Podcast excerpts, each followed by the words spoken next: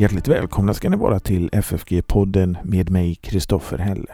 Och som utlovat så ska vi idag fortsätta i serien med Bibels böcker och det är Jakob Appell och Timo Lato som samtalar om Filipperbrevet. Är det så att du vill ge ett bidrag till eh, församlingsfakultetens och poddens fortsatta arbete, gör det gärna på Swish 123 100 8457. Numret finns också i avsnittsbeskrivningen.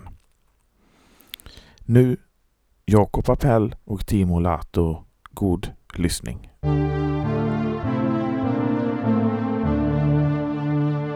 Välkommen till ett nytt avsnitt i FFG-poddens serie om Bibelns böcker. Jag heter Jakob Appell och samtalar med FFG-lärare om vad det är de olika bibelböckerna förmedlar. Och så försöker vi också i samtalet att komma åt det där som gör bibelboken så angelägen för oss också idag. I det här avsnittet talar jag med Timo Lato om Filipperbrevet. Timo är lektor i Nya Testamentet på FFG och vi har i tidigare avsnitt talat om Paulus, hans liv och verk och i förra avsnittet om Efesiebrevet talade vi också om Paulus som författare eh, i fångenskap. Han sitter i fängelse och skriver Efesiebrevet. Och han sitter också i fängelse när han skriver Filipperbrevet. Eh, och eh, om vi börjar där Timo. Eh, det är två brev som är skrivna i fångenskap men Filipperbrevet skiljer sig ganska mycket från Efesiebrevet i sin stil och sitt innehåll. Och om du bara så här inledningsvis först får säga något om, om brevets karaktär och särprägel. Det man kommer att tänka på när man hör Filipperbrevet. Vad skulle du säga att det är? Det finns vissa sådana karaktäristiska drag i brevet och eh, det första som jag vill understryka det är det som många eh, redan i förväg vet och det är det här att Filipperbrevet är ett glädjebrev. Det finns knappast något annat eh, Paulins brev som så mycket betonar glädjens roll i det kristna livet. Och eh, om vi sen alltså tänker på Lukas skildring av Paulus missionsresa när han kom till Filippi så kommer vi ihåg att han hamnade redan där och också där. Eh, han hamnade i fängelset och ehm, han satt där tillsammans med Silas och de har sjungit lovsånger. Lovprisat Gud och sen kom jordbävningen från Guds hand och, och um, fängelsets dörrar öppnades och, och resten kan vi läsa där i Apostlagärningarna kapitel 16, eh, verserna 12 och vidare. Men eh, det som ägde rum då, att Paulus var så tacksam. Han ville lovprisa Gud även om han hade blivit torterad, piskad.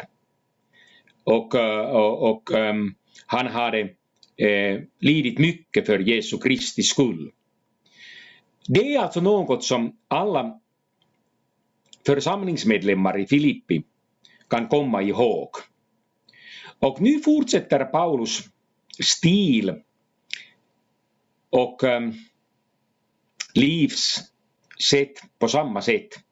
Han sitter alltså åter i fängelset och han skriver ofta i detta brev att det finns all anledning till glädje. Och att äh, äh, äh ni ska sen alltså, alltså ähm, ähm, äh, äh, glädja er, gläd er alltid i Herren, skriver Paulus flera gånger. Alltså jag tror att alla eh, brevets mottagare, adressater, har förstått vad Paulus skriver och menar och de har en levande bild inför sina ögon. Vi kommer ihåg hur Paulus har reagerat där i, just där i Filippi. Och nu reagerar han åter på samma sätt. Så att det här är typiskt för Paulus och typiskt för detta brev. Och det, det, det har äh, ägt rum inte bara en enda gång i Paulus liv, utan flera gånger. Och, och um, det är något som vi kan um, um, notera här, just i, i, i det här brevet. Det är fullt av, av uh, glädje. Sen skulle jag också kunna nämna att, att Filipperbrevet karaktäriseras av en mycket nära relation mellan Paulus och församlingsmedlemmar. Det är också på det viset mycket glädjande att läsa Filipperbrevet. Vi alla vet att Paulus hade jättestora problem i många av de församlingar som han hade grundat. Alla dessa församlingar i Galatien, de hade fallit bort från Guds nåd. Sen alla dessa stora problem i Korint. Vissa problem i, i, i Roms församlingar, men, men där uh, de, de församlingar hade Paulus inte grundat. Äh, men, men alltså egentligen inget brev utan problem. Men Filipperbrevet tycks vara ett undantag. Det är ett glädjebrev också i detta avseende. Att eh, relationen mellan Paulus och församlingsmedlemmar är oerhört bra. Och egentligen anledningen till detta brev eh, var bland annat att Paulus hade fått en eh, riklig gåva från församlingsmedlemmarna i Filippi och han vill tacka dem för denna gåva. Så att eh, det, det är alltså, alltså något som är kännetecknande också i detta brev att, att, eh, att eh, det fyller mitt hjärta med glädje att man ser hur äh, bra förhållande Paulus har med äh, denna församling. Och sen kanske äh, ett tredje särdrag här i Filipperbrevet är att, att när Paulus grundade denna församling i Filippi då berättas det inte att, att han, han äh, gick till äh, äh, synagoga. Utan också i ljuset av, av um, arkeologiska fynden så har hedendomen varit mycket stark i Filippi. Eh, och eh, vi har inte funnit någon synagoga där. Enstaka judar har sen alltså sammankommit utanför staden. Men, men det som är sen kännetecknande för eh, Filipperbrevet är det här att Paulus aldrig citerar Gamla Testamentet. Han um, har vissa allusioner naturligtvis. Och hela hans språkbruk är genomsyrat av gammaltestamentliga begrepp också. Men, men här i brevet eh, citerar Paulus aldrig Gamla testamentet sådär direkt. Och anledningen till eh, detta särdrag är antagligen att, att det fanns knappast några judiska församlingsmedlemmar eller bara få om alls. Och eh, när vi läser alltså Filipperbrevet så får vi alltså ett, ehm, en överblick över Paulus sätt att skriva ett brev till en församling som saknar, i stor utsträckning saknar bibelkunskap. Eh, ehm, adressaterna inte vet så mycket om Gamla Testamentet. Och, eh, och då, kan det vara, då kan det vara alltså mycket eh, lärdomsrikt att eh, läsa hur Paulus i så fall skriver sitt brev. Några sådana lösa tankar eh, dyker upp i mitt, eh, i, mitt huvud när du ställde din fråga. Sådana särdrag har vi i, i Filipperbrevet. Jag tycker det är värt att, att, att, verkligen ta fasta på detta med glädjens brev under den yttre motsatsen. Alltså att det verkar som att Ja, ja, dels så sitter han i fängelse och är på det viset bunden Men han har också väldigt konkreta liksom, strider och plågor som han är uppe i. Så han skriver till exempel så här i kapitel 3, vers, eh, vers eh, 18. Vad jag ofta har sagt till er, det säger jag nu under tårar. Eh, och så går han vidare och talar om motståndet mot evangelium. Men lika fullt med glädje, jag säger, jag säger det än en gång, glädje är alltid i Herren. Både som en hjälp att påminnas om allt som vi har anledning att vara glada för, även om vi sörjer, även om vi är fångna, även om vi lider. Och jag får ta ett exempel på, på detta med lidandet. Då. Han skriver i kapitel 1, vers eh, 29. För Kristi skull har ni fått nåd, inte bara tro på honom, utan också att lida för hans skull. Eftersom ni har samma strid att utkämpas som ni såg att jag hade och nu hör att jag har. Så att den glädje som han finner någonstans mitt i striden, mitt i sorgen, mitt i fångenskapen. Den önskar han nu också att de ska finna och, och, och, och ta vara på. Så att, och kanske också så att för att man inte alldeles ska, ska gå under i lidandet och, och i sorgen som, som kommer. Ja, det är en viktig, eh, ett viktigt tillägg till, till brevets eh, allmänna innehåll. Eh, eh att, eh, att det är fråga om glädjebrevet.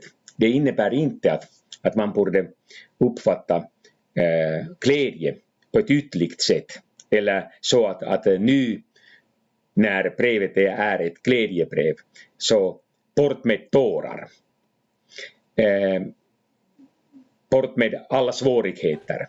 Och sen när vi tittar på oss själva och vi har ångest, eh, vi gråter i, i något sammanhang, så tycker vi att vi har kommit till, till korta och, och, och, och, och vi har kommit borta från eh, Eh, Filipperbrevets tematik. Men det behöver inte vara så, utan alldeles riktigt det som du sa, det, eh, i detta brev eh, gråter Paulus själv. Han säger några saker under tårar och i början av kapitel 3 är han också lite sur på eh, motståndare som försöker tillintetgöra eh, Guds arbete eh, eh hos filipperna. Så, så att, att, att, att, Paulus också, också kan reagera starkt för sina Äh, församlingsmedlemmar mot sina motståndare. Eh, så att um, denna känsla, glädje, behöver inte strida mot eh, tårar, behöver inte eh, strida mot, mot, eh, mot en, en sådan häftig, mot ett häftigt försvar för evangeliet. Eh, utan allt det här eh, äger rum i, i, i samma person och eh, ehm, det är inte fråga om motstridiga känslor egentligen, utan allt det här hänger ihop och, och uh, är, är, är giltigt på samma gång. Och vi, vi kanske också skulle kunna lägga till en aspekt och det är eh, som jag tycker finner här i Filipperbrevet, det är det här evighetsperspektivet och evighetshoppet. I kapitel 1 så, så talar ju Paulus där om att han vill bryta upp och vara hos Kristus. Det, det vore mycket bättre. Eh, den här världen är en, en, en sorgedal. Eh, men för er skull eh, är det nödvändigt att jag är kvar. Och då vill han vara kvar och han vill vara där för att förmedla det hopp som också de har. Så att det enda som är, det är inte det som vi får ihop här under jordelivet utan det finns något som är ännu bättre, nämligen att vara hos Herren i härlighet. Och i samma andetag som han talar om det här med, med att han gråter när han skriver det där om de som får sitt slut i fördärvet. Eh, så säger han, men vi har vårt medborgarskap i himlen och därifrån väntar vi Herren Jesus Kristus som frälsare. Och han ska förvandla vår bräckliga kropp så att den blir lik den kropp han har i sin härlighet. Så du har också detta hopp om att all plåga och smärta som sitter i den egna kroppen det ska få eh, sitt slut och det ska det ska komma med Herren Jesu återkomst i härlighet. Nåväl, det är inte kanske det som utpräglar eh, Filipperbrevet i och för sig, men han kan säga det. För mig är livet Kristus och döden en vinst. Det, det finns här. Ja, absolut. Och, och, när Paulus sen också äh, och, äh, säger det här att Gläd er alltid i Herren, äh, kapitel 4, vers 4. Gläd er alltid i Herren. Så har vi alltså i Gamla Testamentet i Nehemias bok 8, kapitel 8, vers 10, att glädjen i Herren är är vår starkhet. Eh, eh, mm. Och då är det just det som du säger att, att eh, eh det finns ingen riktig glädje utan Herren. Vi, vi finländare brukar ju säga mycket dumma saker och en av de dummaste sakerna som vi säger är det här att glädje utan eh, alkohol det, det är bara alltså, alltså det, det finns in, in, in, ingen, ingen glädje utan, utan Koskenkorva. Eh, eh, eh, dumma saker. Eh, men, men vi kan alltså eh, eh säga och tillämpa det här eh, egentligen på Filipperbrevet att ingen riktig glädje utan Herren. Eh, Gläd er alltid i Herren, det är vår starkhet. Och, eh, och då har vi alltså eh, denna tanke, just det som du sa, att glädjen fullkomnas, blir fullkomlig i himmelriket. Då ser vi Herren med våra egna ögon, då är glädjen fullkomlig. Och vi har alltså en mycket stark evighetsaspekt här i Filipperbrevet. Och jag har uppfattat saken så att dagens kristna människor, vi, vi ofta saknar evighetsaspekten. Vi vågar inte tala om den dubbla utgången, att troende blir frälsta och kommer in i himmelriket. De som icke tror går förlorade, hamnar i helvetets plåga. Det här vågar vi inte ta upp. Och sen också vi kristna är eh, ofta så benägna att, att, att, att söka efter det som finns här på denna jord.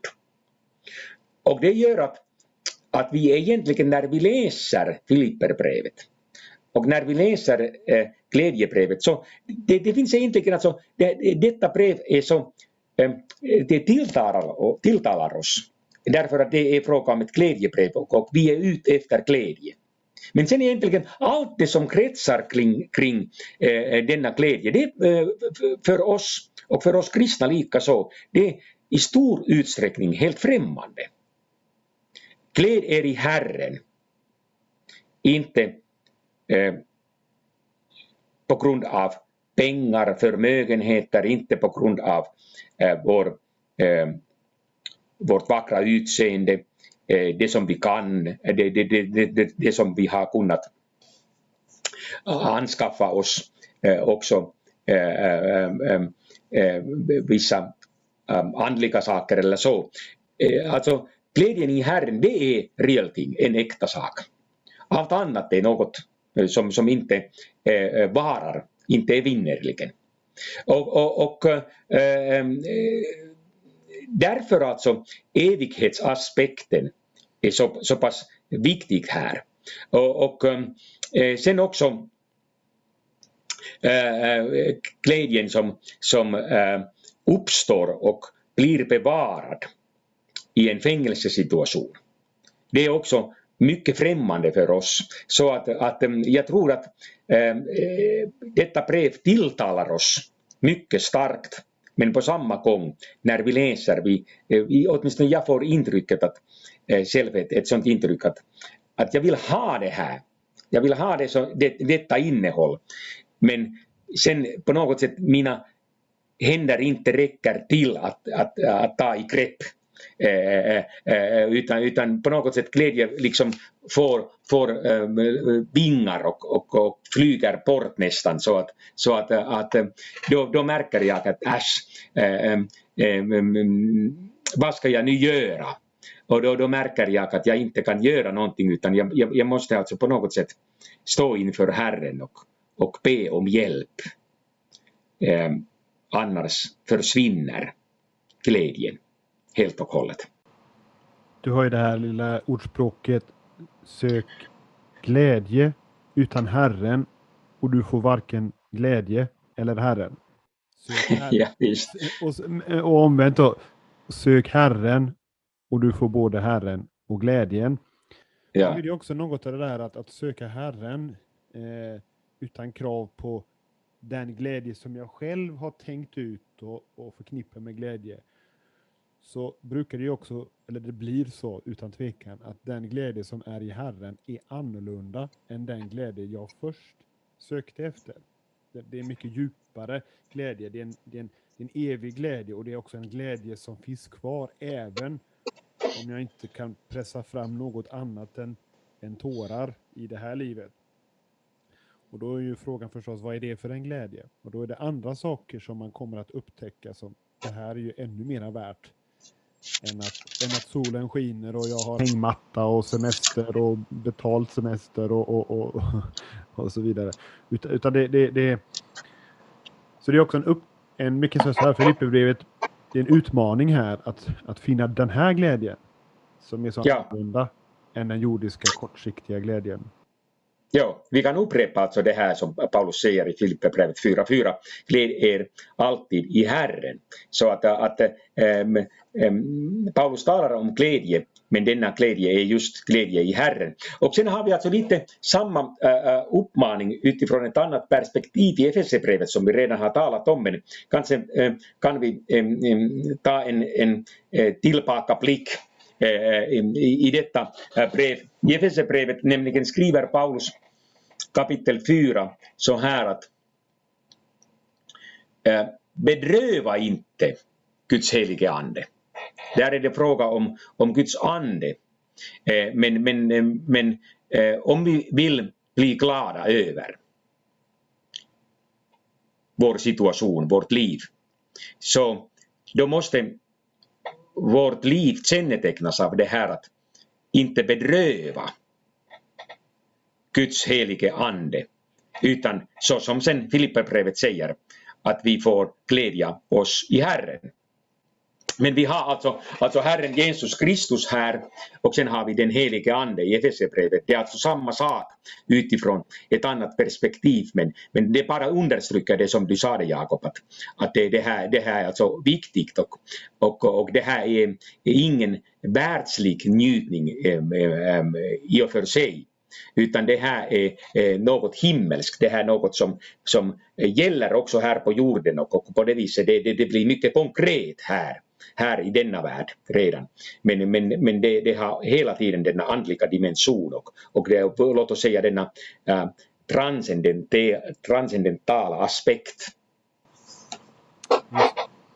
Och att i någon mening eh, genomskåda den kortsiktiga ytliga glädjen och försök, söka att få fatt på den, den eh, glädje som består. Med Jesu egna ord eh, om, om skatten Eh, samla inte skatter på jorden där rost och mal äter upp den utan i himlen. Där, där tas den inte ifrån oss.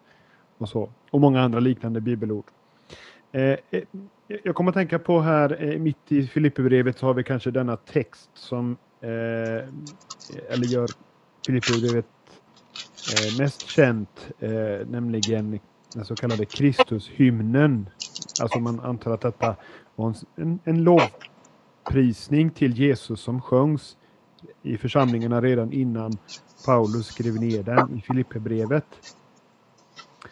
Eh, fastän han var till i Guds gestalt räknade han inte tillvaron som Gud såsom segerbyte utan utgav sig själv genom att anta en tjänares gestalt och han blev människa. Han som till det yttre var som en människa ödmjukade sig och blev lydig ända till döden på korset. Och så fortsätter det. Eh, och om den här salmen kunde man ju säga eh, hemskt mycket. Men jag studsade till inför det här att det här är egentligen omgärdat av en uppmaning. Var så till sinnes som Jesus var. Eh, och lite tidigare där. Var, var ett i själ och sinne. Och var inte självupptagna och stolta. Där står det kapitel 2, vers 2 och 3. Var inte självupptagna och stolta för det är så att säga en fiende till denna enhet i själ och sinne. utan var istället så som Jesus var. I ödmjukhet och självuppoffring. Eh, och, och då, då har du också denna aspekt av att söka enhet och vara måna om enhet och vara måna då om varandra genom att ta Jesus som exempel. Vi var inne lite grann på det här i, i avsnittet om Efesierbrevet.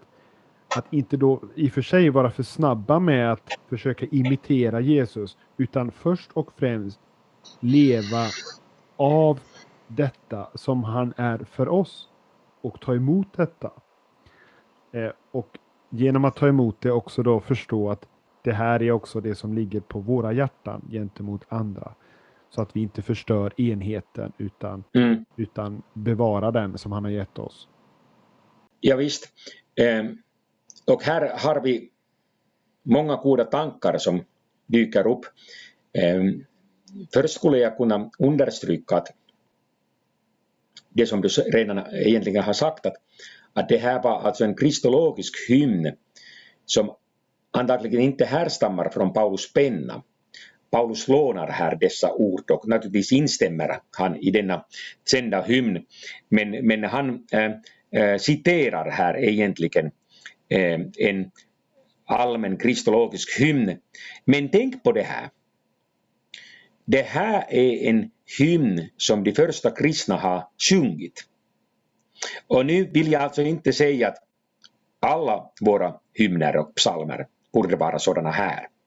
Men här har vi åtminstone ett exempel och det finns vissa andra exempel också i Nya Testamentet, eh, några andra exempel på eh, kristologiska hymner som de första kristna har sjungit.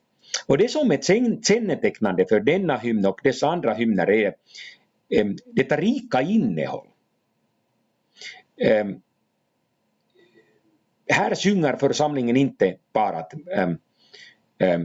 I love you Jesus ja, and uh, uh, uh, I will sing praise to you Jesus. Vi, vill alltså inte ha alla hymner som de första kristna har sjungit.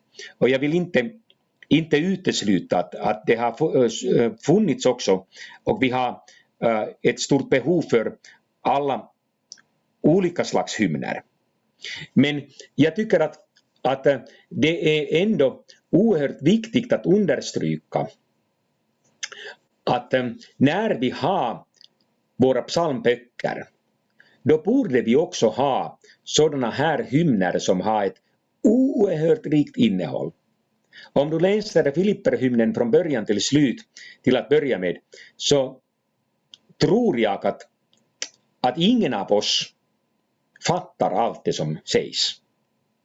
Så att det finns alltså mycket att hämta från denna hymn och, och tänka på och tänka efter. Och eh, eh, sådana psalmer behöver vi. Att vi lär oss utan till psalmer som har ett rikt innehåll som vi kan repetera, sjunga i vårt minne när vi sitter på bussen eh, eller, eller på tåget, när vi går omkring Göteborg eller någonstans. Och då kan vi hålla alla dessa ord i minnet och vi börjar få sådana djupare inblickar i psalmens innehåll så småningom. Så att, att, att alla psalmer ska inte vara sådana att, att, att vi, vi, vi sjunger dem en gång och vi förstår dem helt och hållet. Utan det är helt legitimt att vi har sådana djupa psalmer som, som äm, har ett rikt innehåll och vi måste verkligen tänka efter att vad, vad säger psalmisten här? Vad menar han?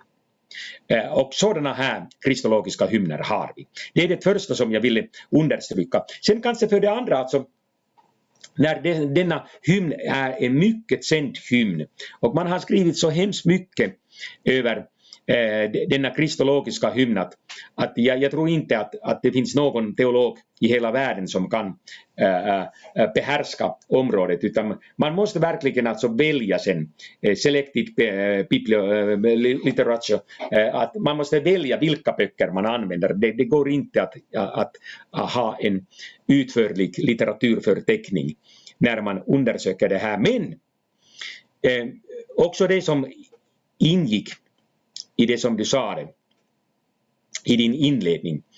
Det är alltså viktigt att vi kan skriva hur mycket som helst. Och vi kan komma med djuplodande tankegångar. Men denna kristologiska hymn avrundas av dessa enkla, direkta uppmaningar. Det är alltså inte tillräckligt och det är inte det som Paulus menar att vi behärskar hela informationsområdet. Vi behärskar all kunskap. Utan det som Paulus skriver i, i, i en annan hymn, i kärlekshymnen. Även om jag visste allt, men jag inte hade kärlek. Inte detta sinne som Kristi har och hade här i Filperbrevet. Om jag inte har samma sinne, så vad är jag med all min kunskap?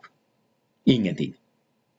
Eh, att, eh, att teologi på det viset är alltså en, ett farligt ämne eh, kan vi säga att, att, det, att det, det är inte lätt att studera teologi. Det är inte lätt att fungera som teolog därför att det här är inte bara en akademisk eh, sak. Vi bedriver inte bara akademiska studier utan det är hela tiden fråga om att ehm, det som vi läser, det ska bli kött i mitt liv. Det, det, det betyder alltså att, att jag ska sen eh, inte bara förstå med mitt förnuft utan leva ut allt det här. Och då märker jag att, att nej men, men det, här, det här blir jättesvårt. Att äh, är jag överhuvudtaget en god teolog? Äh, äh, och, och då, då, då får vi ofta denna känsla att stackars mig, förbarma dig över, över mig, kära Gud, genom Jesus. Och det i sin tur är ju egentligen att, att fördjupas i ett beroende förhållande till honom. Att han måste, vara, han måste vara mitt allt, han måste ta hand om detta. Jag kommer att tänka på det när, när du sa så här, det är farligt med teologi. Ja, det är faktiskt farligt med, med Jesus själv mycket Jesus är livsfarligt om man uttrycker det så. Det är värt att lägga märke till att Jesus i evangelierna, de tre städer som han utropar sina verop över, Kapernaum, Korazin och Betsaida, det var där han var som mest, gjorde som mest underverk, undervisade. Men det ledde inte till, till omvändelse och till tro på honom. Och då blir det, det, blir en, det blir värre. Det som har fått mycket av Jesus det också utkrävas mycket. Så att, så att, ja, att kunna på något sätt dra de rätta slutsatserna av vad man tar till sig och får som en fri gåva av honom. Exakt och, och sen när vi alltså tänker på den fortsatta frågeställningen att vad annars vet vi om Korasin och, och um, dessa städer som um, nämns och där Jesus har ofta besökt. Då märker vi att ja, Korasin, vad säger evangelierna mer om staden utom det här? Det som du sa, det, Jesus hade gjort sina stora under, kanske de flesta, just där. Men när invånare har inte tagit emot Jesus eh, när de har avvisat honom och det som han har predikat och, och också gjort.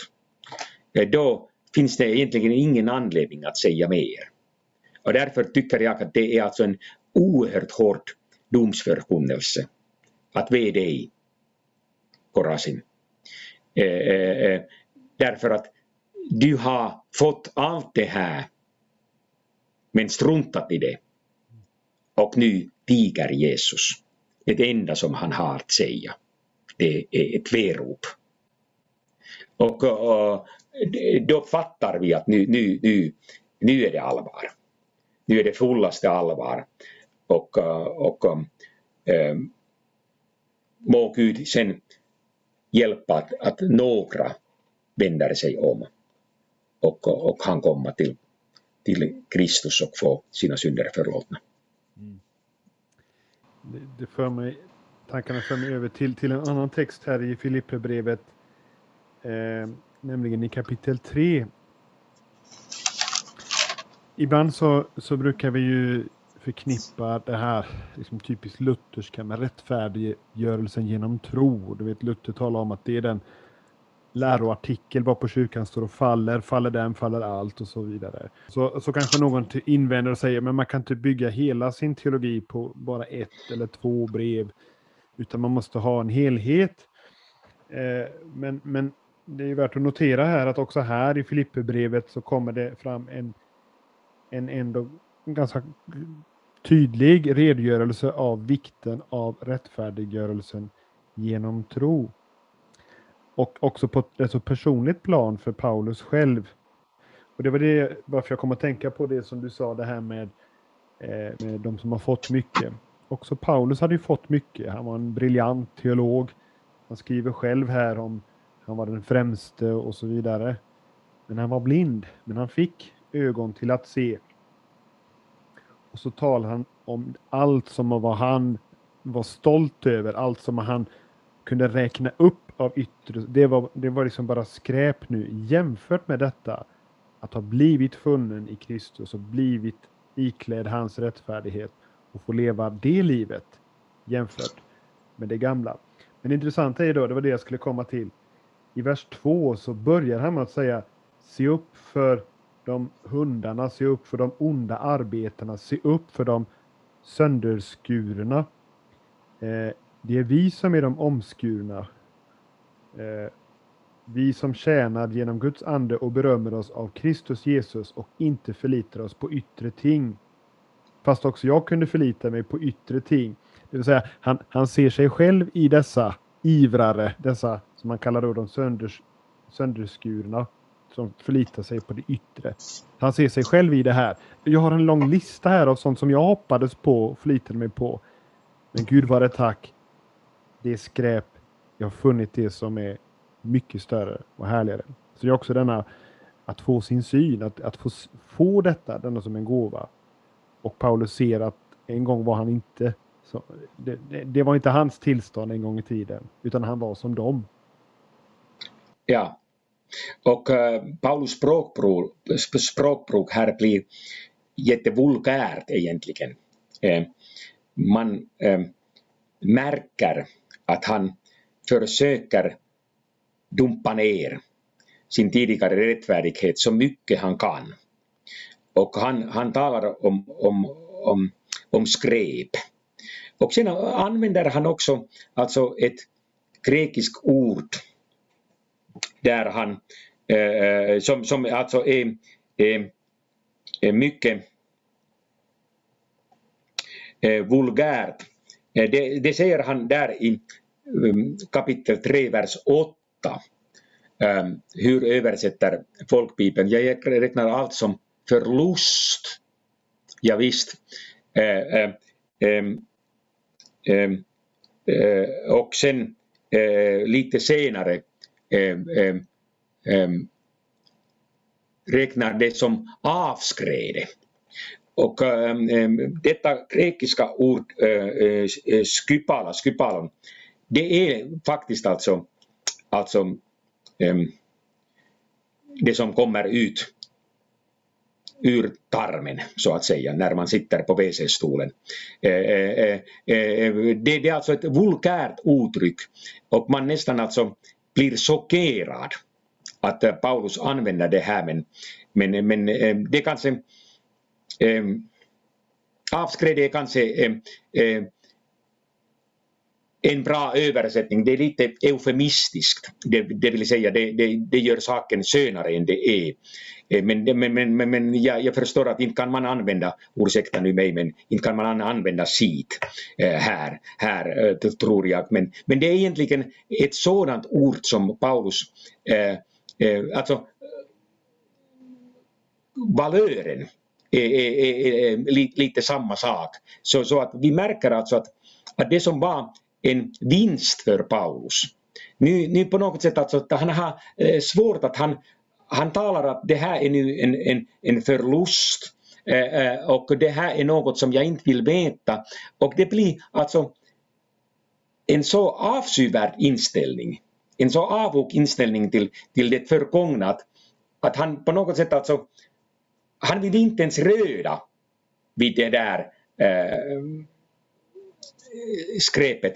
Han, han vill lämna, uh, eh, eh, det är liksom hundbajs, kanske det eh, är lite så här att, att men, men, men att, och jag hoppas att, att, att um, ingen åhörare blir uh, um, um, sårad när, när, när jag har försökt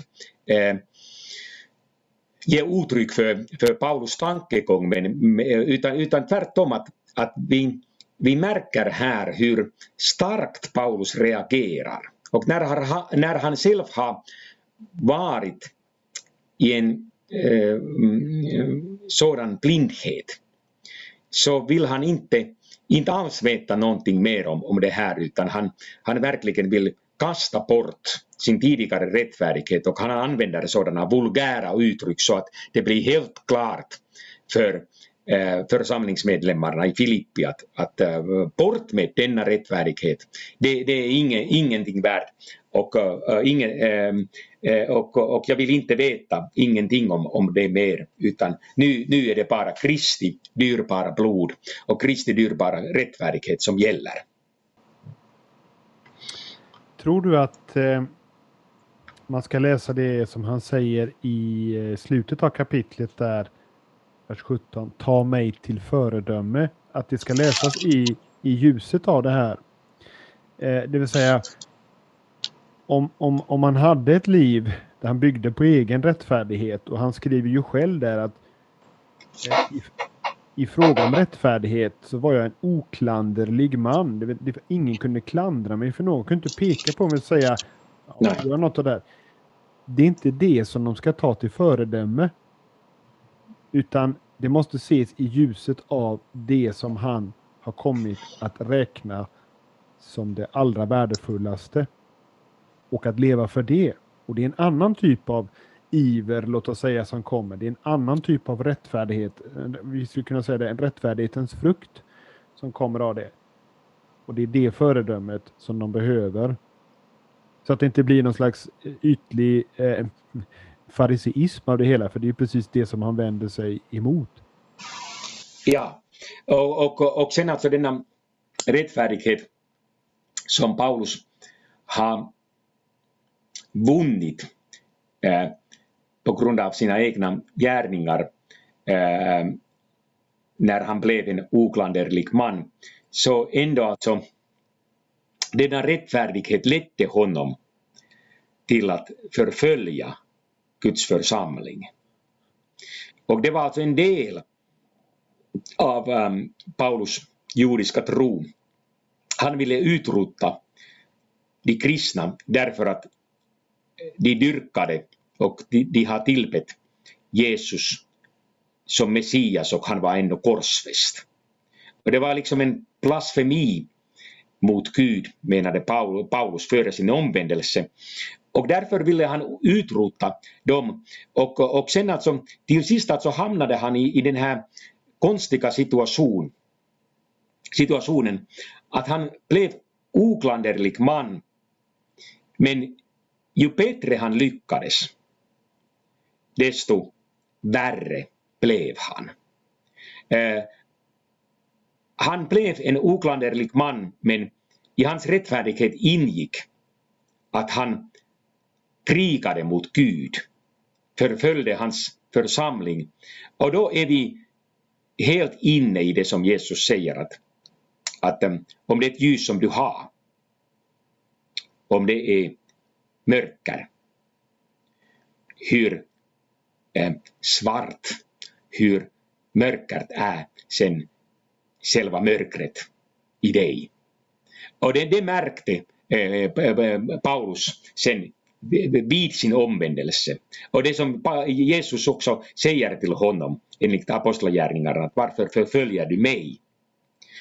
Eh, det var liksom en chock att nu mötte han sin Gud som han ville dyrka, som han ville tjäna eh, ur sitt djupaste hjärta. Och han märkte att eh, min rättfärdighet, ju längre jag har kommit, desto värre för mig. Det, jag, det, det är svårt att eh, förstå hur Paulus kunde överleva denna besvikelse. Att det bästa som han hade, det var det värsta i hans liv. Och sen när hans ögon öppnades, det, det måste vara alltså en jämmerlig situation. Oj, det måste göra ont. Och jag, jag skulle säga alltså att om det är någon som lyssnar på eh, det här och om du tycker att du ligger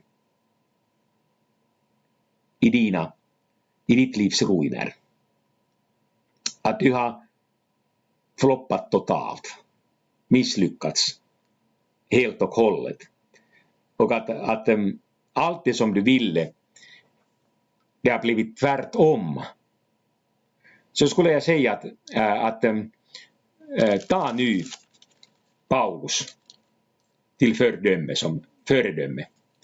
Som ett exempel så som Jakob här citerade vers 17 i kapitel 3 att det gick ännu värre i Paulus liv. Och ändå fick han barmhärtighet och syndernas förlåtelse. Och därför skulle jag säga till dig som lyssnar på det här att att vad än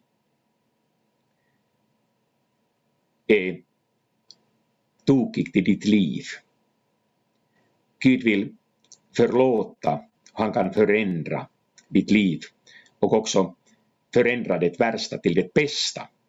Så att hur mycket Paulus har kunnat uppmuntra oss när han skriver att jag var den största syndaren större än någon annan men Gud har förlåtit också mina synder.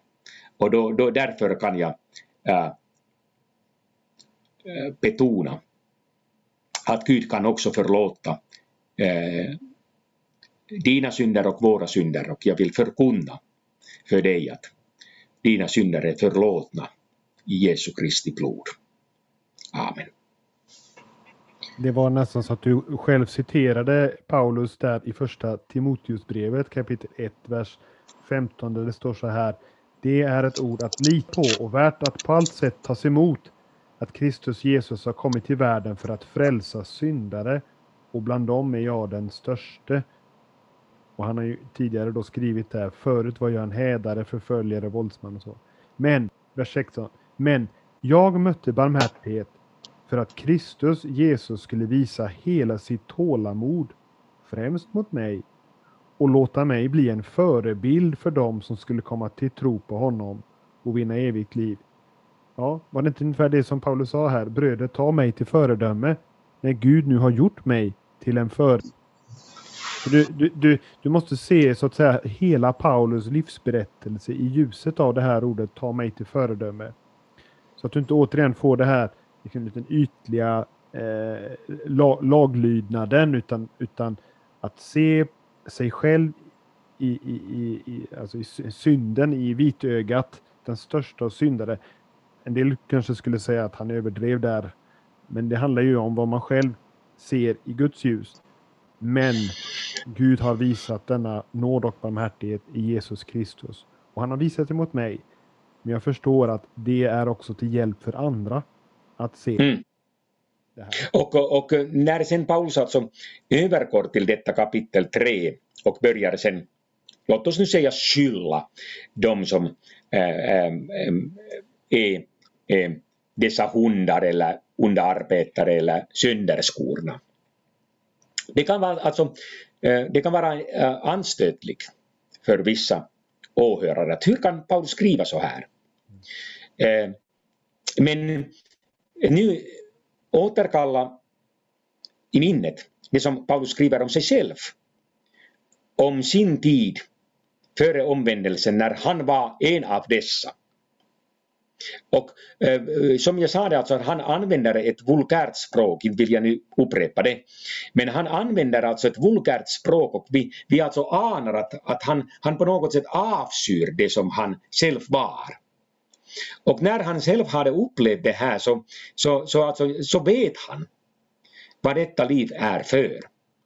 Och, och, och då, då vet han också att, att hur blind han själv var och han vill alltså sen bespara, bespara sina församlingsmedlemmar och också sina fiender eller, eller motståndare från allt det här.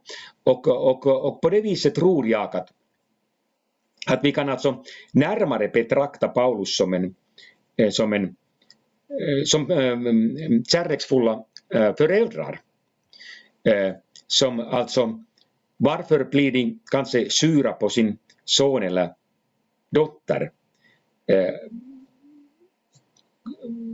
i bästa fall just därför att de älskar. Därför är det alltså inte de nonchalerar inte sin son utan, utan de, de tycker att det här är ju hemskt att han tar till sig droger eller, droger eller, eller, eller gör no, no, några eh, andra dumma saker. Och just därför kan föräldrarna bli så sura på sina barn därför att de älskar så mycket. Och, och, och, och, lite så kanske också Paulus tänker här att, att jag, jag själv var en av dem och jag vill nu verkligen varna dem att, att, att, att, att fortsätt inte det här livet därför att äh, jag låg i mina ruiner och det var en, en, en hemsk förskräcklig situation jag hamnade, hamnade i och därför vill jag varna er för det här. Ungefär så. Då, då, då tror jag att när vi läser Filipperbrevet då börjar vi alltså förstå Paulus tankegång och, och, och, och det är inte eh, fjärran från kärleken, tvärtom. Vi, vi började inse att, att Paulus älskar och, och, och, och just därför måste han skriva vissa hårda ord. Det knyter faktiskt an till det där vi började, detta med tematiken glädje, glädjebrevet, Filipperbrevet som glädjens brev. Här har kanske också Paulus vittnat om sin egen djupaste glädje, nämligen detta att bli funnen i Kristus. Inte med egen rättfärdighet, utan den som kommer genom tron på Kristus, rättfärdighetens. Det vill säga, han har genomskådat, eller fått ögon till att genomskåda all annan skenglädje, inklusive den att försöka rättfärdiga sig själv och ira eh, för en ytlig laguppfyllelse. Han, han, ja. liksom, den, den så kallade glädjen hade han förlorat, men därför att han hade vunnit den sanna glädjen. Och i den glädjen, vare sig han nu är i fångenskap eller han är förföljd eller gråter för att andra inte tar emot detta, så är det lika fullt den enda bestående glädjen. Och i den kan han säga till, ja, till oss alla, glädjer i Herren, i denna glädjen, för den är bestående. Jo, eh, och, eh, och sen om vi också sen alltså äm, tar ett äh, lite nytt perspektiv på glädjeämnet så kan vi också alltså kritiskt fråga oss själva att, vad tycker vi själva? Paulus var en begåvad man. Han var en mycket lärd man. Han hade studerat, läst hemskt mycket. Han kunde hebreiska, grekiska, allt. Ett geni. Och sen hade han blivit apostel och, och Gud hade helgat alla dessa egenskaper hos honom.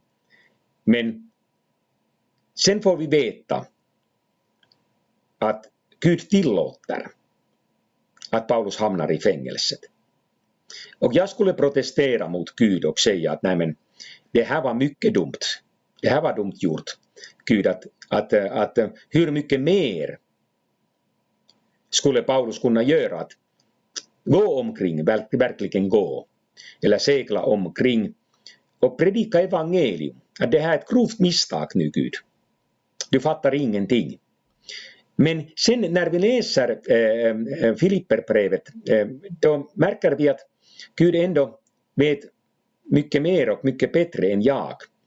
Och, och till all lycka har vi sen alltså kyrkohistoria bakom oss. Och när vi sen alltså läser här i Filipperbrevet och, och vi märker att, att Paulus sitter i fängelset och, och uh, med största sannolikhet i Rom. Och han skriver i kapitel 1, vers 13 att hela pretoriet eh, eh, äh, äh, har och alla andra kommit att förstå att det är för Kristi skull jag sitter fängslad. Och sen har vi en asterix där och pretoriet syftar på det kejserliga livgardets kasern i Rom. Och sen när vi läser också i kapitel 4, vers 22. Alla de heliga, särskilt de som hör till kejsarens hus, hälsar er. Så får vi veta att Paulus sitter i fängelset men han evangeliserar där. Visserligen möter han inte så många människor som, som annars och, och, och det är alltså anti, anti, antagligen alltså en, ett begränsat antal människor som fick besöka honom. Men ändå.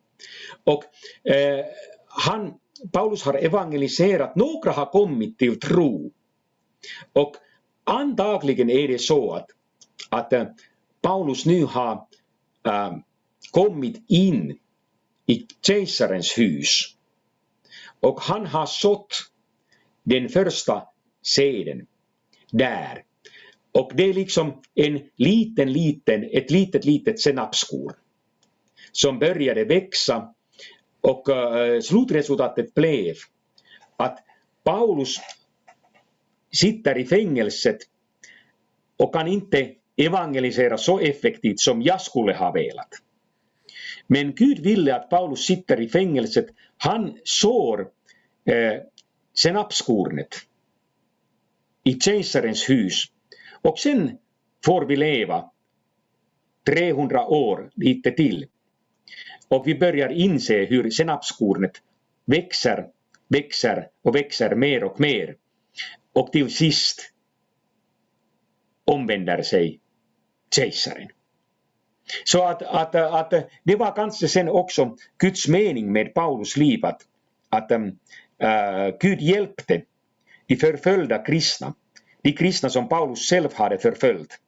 Han har sen hjälpt de förföljda kristna med samma person, med Paulus. Så att Paulus sen äh, arbetade i kejsarens hus, visserligen i fängelset men ändå. Och sen småningom kom kejsaren och kejsarens hus till tro och då förändrade sig hela situationen. Förföljelserna tog slut och de kristna började evangelisera ännu effektivare. Men det, men, men det tog alltså över 300 år att komma så här långt. Men Gud är, är, är klok. Eh, han vet vad han gör. Det vet jag inte. Men här tror jag också att vi, vi kan märka alltså att att um, jag skulle vara sur på Guds uh, handlande och, och, och ledning och tycka att nej, nu, nu, nu går allt åt skogen. Äh, äh, vad gör du Gud? Men, men han visste mer och uh, det är också alltså en orsak till glädje. Och glädjebrevet alltså präglas av det här att vi kan inte fatta vad Gud gör men vi får ändå vara glada just i Herren. Eh, i honom och vara säkra på att det som han gör det är inget misstag utan eh, hans gärningar är det bästa som, som kan eh, komma oss till, till, till hjälp och, och, och vi får nöja oss med hans ledning. Ja, och, och tillägga det, inte bara nöja oss utan måtte det bli så. Det skulle vara Exakt, precis. Bästa. Ja, må din vilja ske, ja, inte min. Ja. Eh, jag tror att vi ska avrunda här Timo. Eh, tack så, så, mycket för detta samtalet och jag tackar också dig som har lyssnat. Vi hoppas att det här ska kunna ha inspirerat till ett eget fördjupat studium av Filipperbrevet.